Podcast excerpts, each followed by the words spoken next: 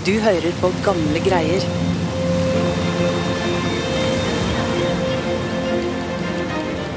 Norge er det nordiske landet som sender flest innvandrere til Amerika mellom 1836 og 1915, hvis man regner etter folketallet. Hele 750 000 nordmenn pakker store, tunge reisekofferter, går om bord på amerikabåten og seiler mot en ny start på et fremmed kontinent. Overfarten kan ta flere uker, og når de kommer fram, møter de ikke bare et nytt land, men et moderne og progressivt samfunn.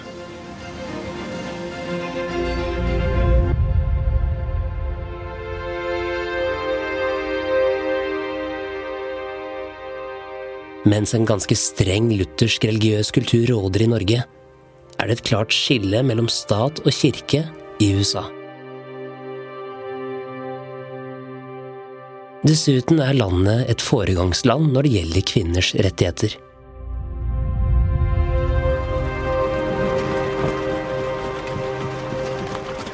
Mange nordmenn bosetter seg sammen i norske kolonier, settlements.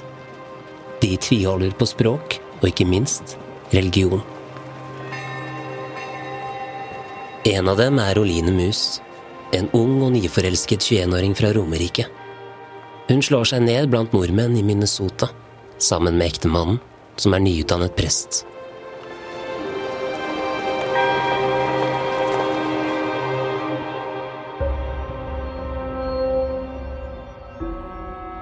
Men livet som prestefrue i det nye landet skal etter hvert ta en uventet vending, og den amerikanske drømmen surner.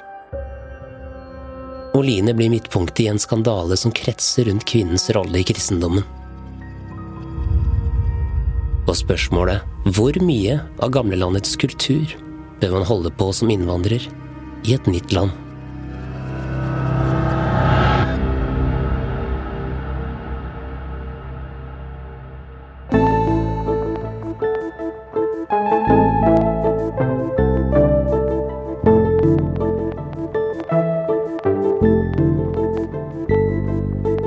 Du hører på Gamle greier, en podkast fra Nasjonalbiblioteket.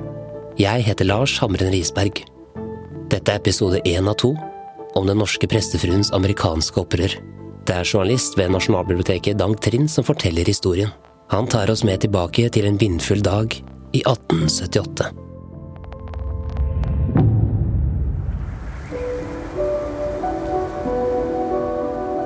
Oline Mus satt hjemme i presteboligen i dype tanker. Når hun så ut vinduet, kunne hun se en stor grønn plen som sto i stil med det flotte, hvitmalte huset. Bladene på trærne ute på tunet danset lett i vinden, og sett utenfra kunne livet som prestefrue virke som et vakkert glansbilde. Etter at barnestell og huslige plikter var unnagjort, hendte det at Oline fikk tid til å tenke på hvor raskt årene som prestefrue i et fremmed land hadde rast av gårde. Det hadde gått nesten 20 år siden hun som 21-åring hadde seilt sammen med ektemannen mot et nytt liv i Amerika. De to hadde for lengst etablert seg her i Goodhue County i Minnesota. De hadde fått seks barn og var et ektepar folk så opp til i det norske miljøet.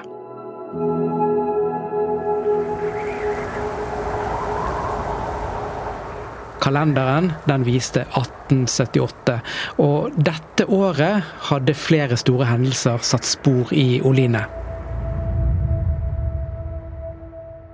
Sønnen Jens hadde dødd av tyfus. Og ikke lenge etter ble seks år gamle Paul alvorlig syk. Død og sykdom gjorde stemningen i huset tung og sørgmodig. Over lengre tid hadde ekteparet vokst fra hverandre. Sorgen virket ikke samlende for ekteparet, og i prestegården var det nå mer bitterhet og stillhet som rådet. I tillegg til alt dette hadde Olines helse fått en knekk.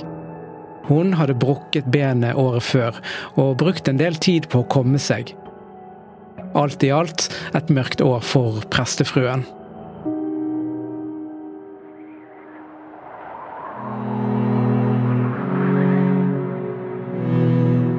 Sett utenfra var prestegården stor og flott, og det hvitmalte toetasjers våningsbygget staselig og verdig en prestefamilie. Men når Oline så rundt seg, ble hun fylt med misnøye. Minnesota-vinteren kunne være iskald, og det flotte huset var trekkfullt og gulvkaldt. De hadde ikke tepper på gulvene. Det ville nemlig ikke ektemannen bruke penger på. Han bestemte dessuten at de bare skulle fyre i ett rom om gangen. Det var stort sett bare kjøkkenet som var oppvarmet. Dette her var langt fra overklasselivet Oline hadde vokst opp i hjemme i Norge. Mens fattige bønder eller folk fra arbeiderklassen kunne slite med å sette mat på bordet eller kjøpe nye klær, manglet ikke lensmannsdatteren noe under oppveksten.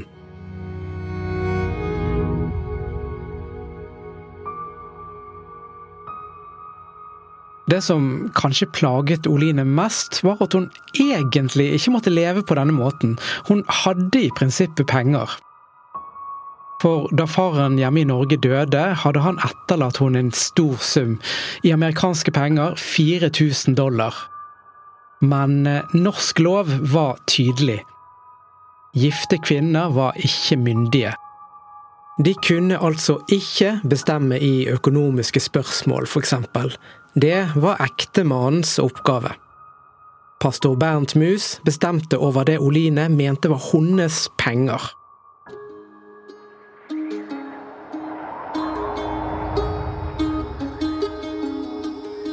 En dag begynte nye tanker å forme seg i hodet til Oline. Hun var en belest og ressurssterk kvinne, og hun begynte å bli overbevist om at hun ville få det mye bedre om hun bare kunne forvalte farsarven sjøl. Det var tross alt penger fra hennes egen familie. Oline landet på at det var hennes egen ektemann, pastor Bernt Mus, som var problemet.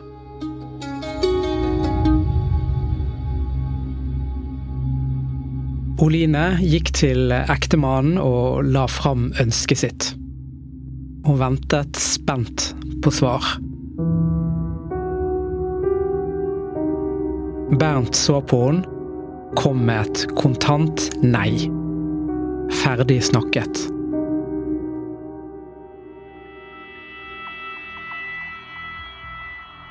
Men den ressurssterke kvinnen visste at det fantes en annen mulighet. Hun kunne gå rettens vei for å få farsarven. Hun kunne saksøke ektemannen. Tankene kvernet. Selv om dette kunne løse problemet, visste Oline at det var et farlig spill. I den norske kolonien Holden, hvor ekteparet bodde, var det nesten bare nordmenn. Mange av de fra Telemark. Så når Oline var ute og gikk i nærområdet, var det stort sett kjente ansikter å se. Og hun kunne høre klingende telemarksdialekt. Hvis hun gikk til søksmål mot ektemannen, risikerte hun at mange av disse menneskene ville snu ryggen til henne. Og ikke minst, hva ville mennene i menigheten si?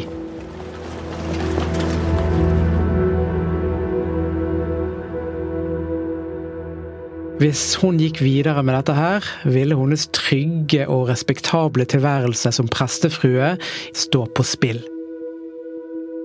Oline visste at ektemannen var en viktig og respektert mann i det norske miljøet.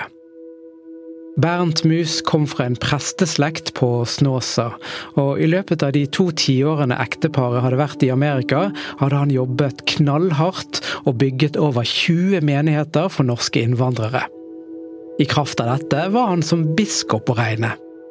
Og dessuten var Bernt en ildsjel som jobbet med å opprette egne religionsskoler for norske barn, sånn at de kunne få ren luthersk lære på sitt eget morsmål. Pastoren var en gudfryktig og streng leder man ikke satte seg opp mot. Oline var klar over at hennes rolle som kvinne var å tie og adlyde ektemannen. Likevel vokste opprørsviljen hos prestefruen seg bare større og større.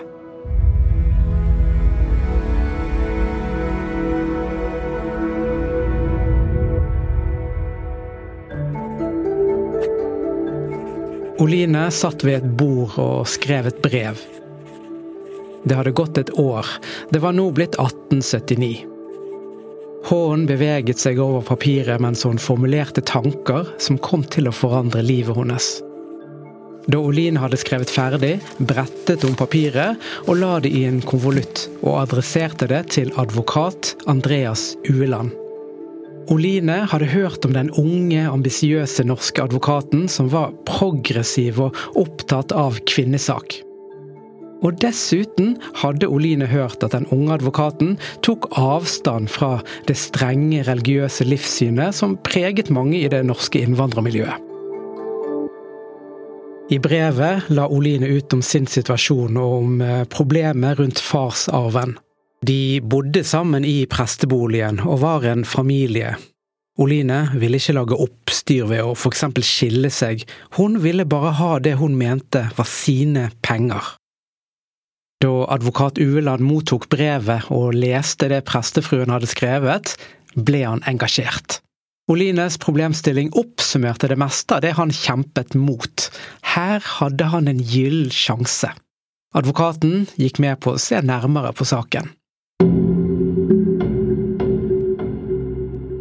Det første advokat Andreas Uland gjorde, var å skrive et brev til ektemannen Bernt Mus, hvor han påpekte at amerikansk lov var tydelig. Prestefruen hadde krav på sin fars arv. Oline hadde nok et stort håp om at brevet fra advokaten ville få ektemannen på andre tanker. Da kunne saken få en enkel løsning uten søksmål og offentlig skittentøyvask.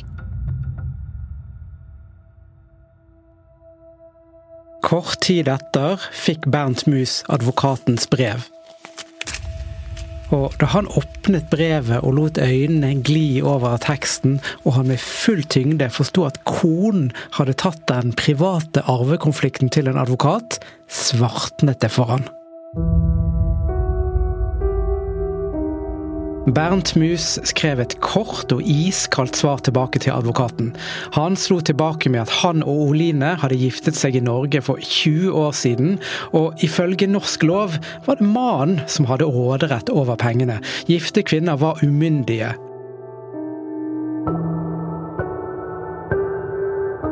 Norsk lov var krystallklar, og pastoren kontaktet dessuten en amerikansk advokat som skulle representere han ved en eventuell sak.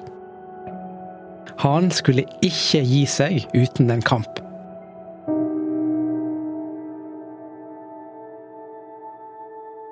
Da advokat Ueland mottok brevet, ga han prestefruen følgende råd. Hun burde saksøke ektemannen. Oline tok det hele inn over seg. Da julen nærmet seg, tok Oline et valg. Hun bestemte seg for å gjøre som advokaten rådet. Oline skrev under papirer. Nå var det offisielt. Hun gikk til sivilt søksmål mot sin egen ektemann.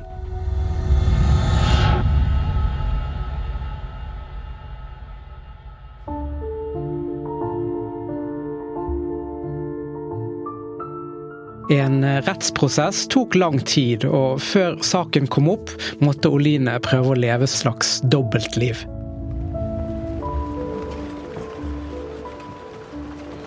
Blant de lokale bøndene og arbeiderne i bygden tilhørte hun eliten. Folk så opp til hun. Utad var hun enn så lenge en lydig og pliktoppfyllende prestefrue.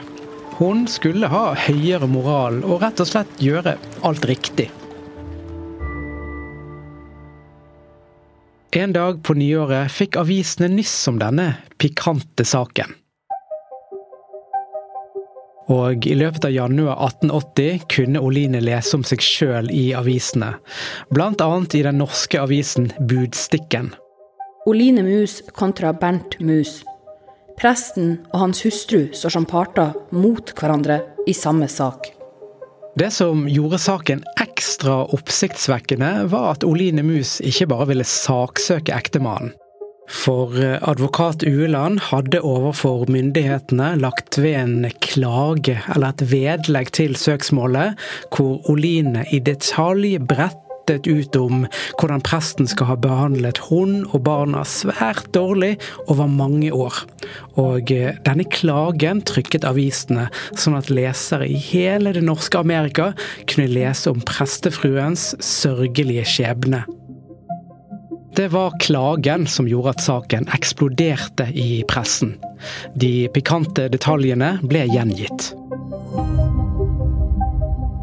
Pga. pengemangel hadde prestefruen i en årrekke undervist i piano og sang, og brodert og sydd for fremmede. Folk kunne også lese at prestefruen anklaget ektemannen for å plage henne psykisk ved å være gjerrig med husholdningspenger, og fysisk ved å nekte henne legehjelp etter at hun ved to anledninger hadde brukket beinet. I tillegg måtte barna lide under farens tyranniske styre fordi de ikke fikk penger til å kjøpe nye klær og måtte fryse på vinteren.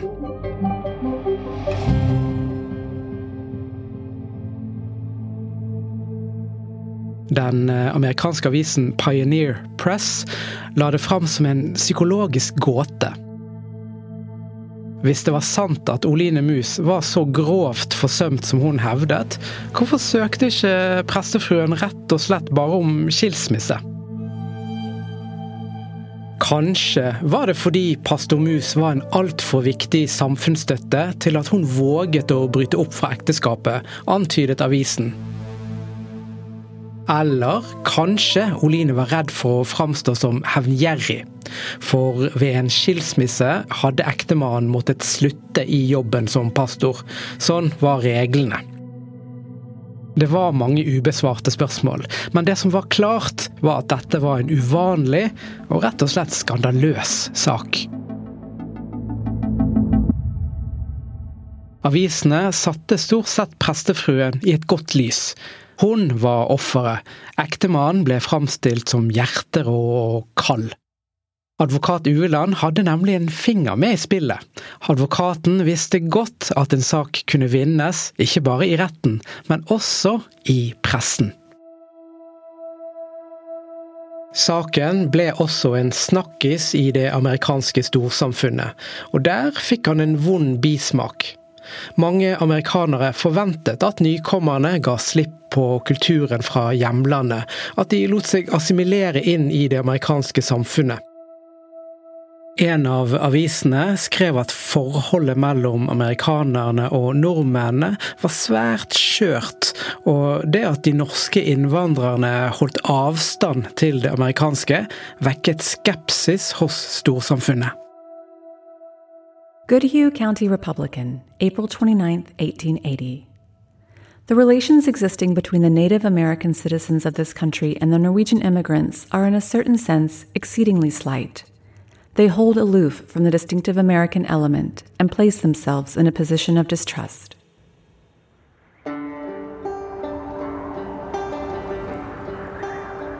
Jul kom og gikk.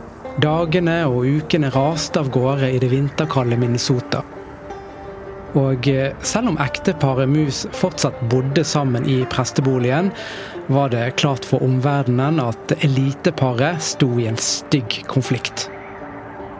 Men eh, før Oline kunne møte i den amerikanske retten, var det en helt annen domstol som ventet. Hun måtte møte sine egne. Oline var religiøs, og menigheten var viktig. Kunne hun få de på sin side? Menigheten altså mennene, mente Oline Mus hadde begått en stor feil ved å gå til sivilt søksmål mot ektemannen. Hun burde ha prøvd å løse tvisten internt i menigheten. Men eh, ekteparet stilte ikke helt likt. Som kvinne visste Oline at hun ikke hadde talerett. Hun måtte pent sitte på kvinnesiden i kirken og følge reglene om å være taus.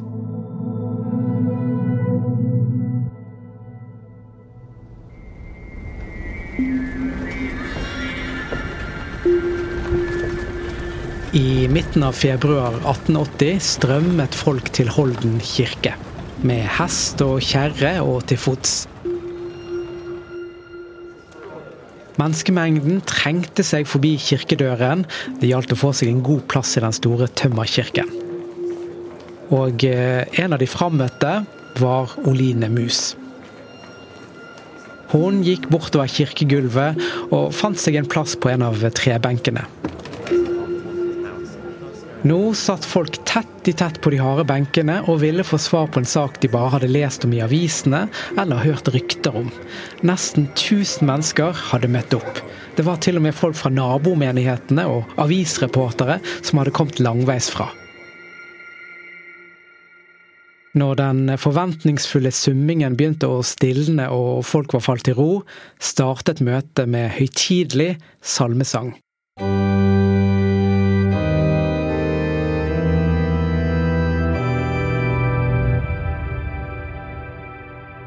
Like etter tok møtelederen over. Som vanlig gikk alt for seg på norsk, men denne dagen var langt fra vanlig. Det oppsto litt forvirring om hva dagsordenen var. Plutselig så Oline at en mann reiste seg. Det var ektemannen, pastor Mus. Med høy og klar stemme understreket ektemannen at klagen mot han var ærekrenkende og ikke kunne stå uimotsagt. Oline så at alles blikk var rettet mot den opprørte pastoren, som fortsatte tiraden. For han var det faktisk likegyldig hva den sivile amerikanske domstolen ville lande på. Dette her var en tvist fellesskapet i kirken måtte løse. Den rette domstol i denne saken var menigheten. Utover møtet var det mange mannlige talere som reiste seg etter tur. Og meningene de var mange, men det store flertallet var enig i at prestefruen hadde handlet i strid med god kirkeskikk.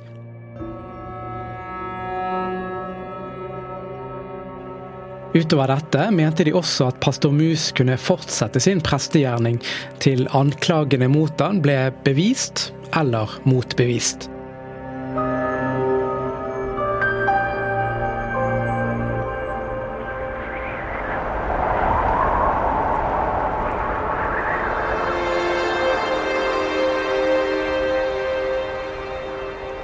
Vinteren 1880 var ikke lett for Oline. Mellom møtene i menigheten prøvde hun å leve et normalt liv, men nå merket hun også kulden fra flere i menigheten. Hun ble konfrontert med at hun måtte bevise alt hun hadde påstått om presten. Hvis ikke ville hun bli ansett som løgner. Og det kom flere prøvelser for Oline.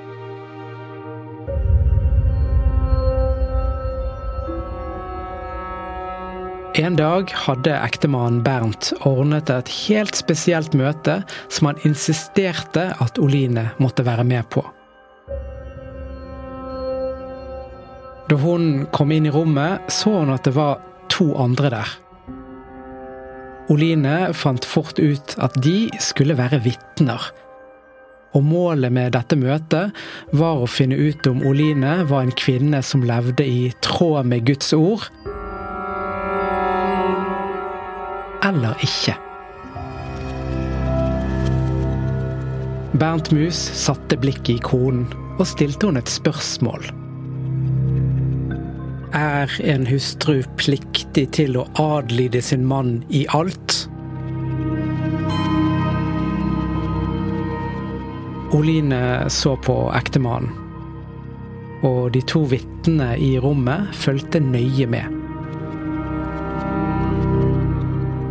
Like etter kom prestefruens svar.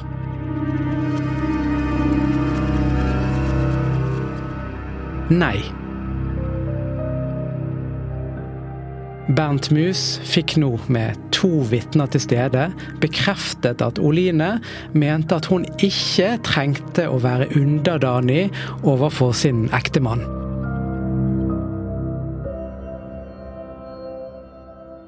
Dette her var et klart brudd på kirkens regler.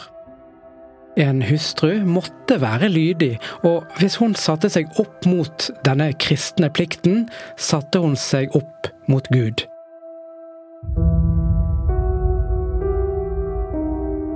Presten hadde fått det han trengte. Nå hadde han fått ekstra ammunisjon. Oline forsto at det nå så mørkt ut. Det var usikkert om hun ville få medhold. Hun risikerte å bli utestengt fra det norske fellesskapet i menigheten.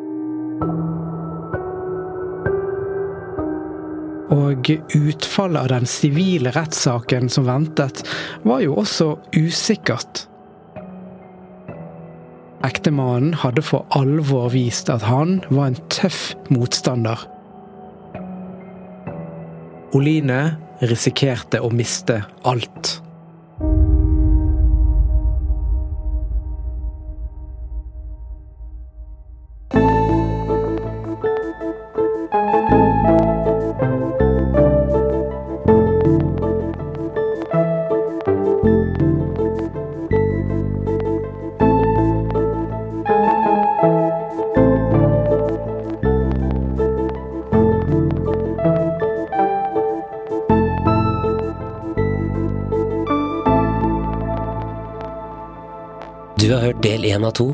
Norske prestefruens amerikanske opprør.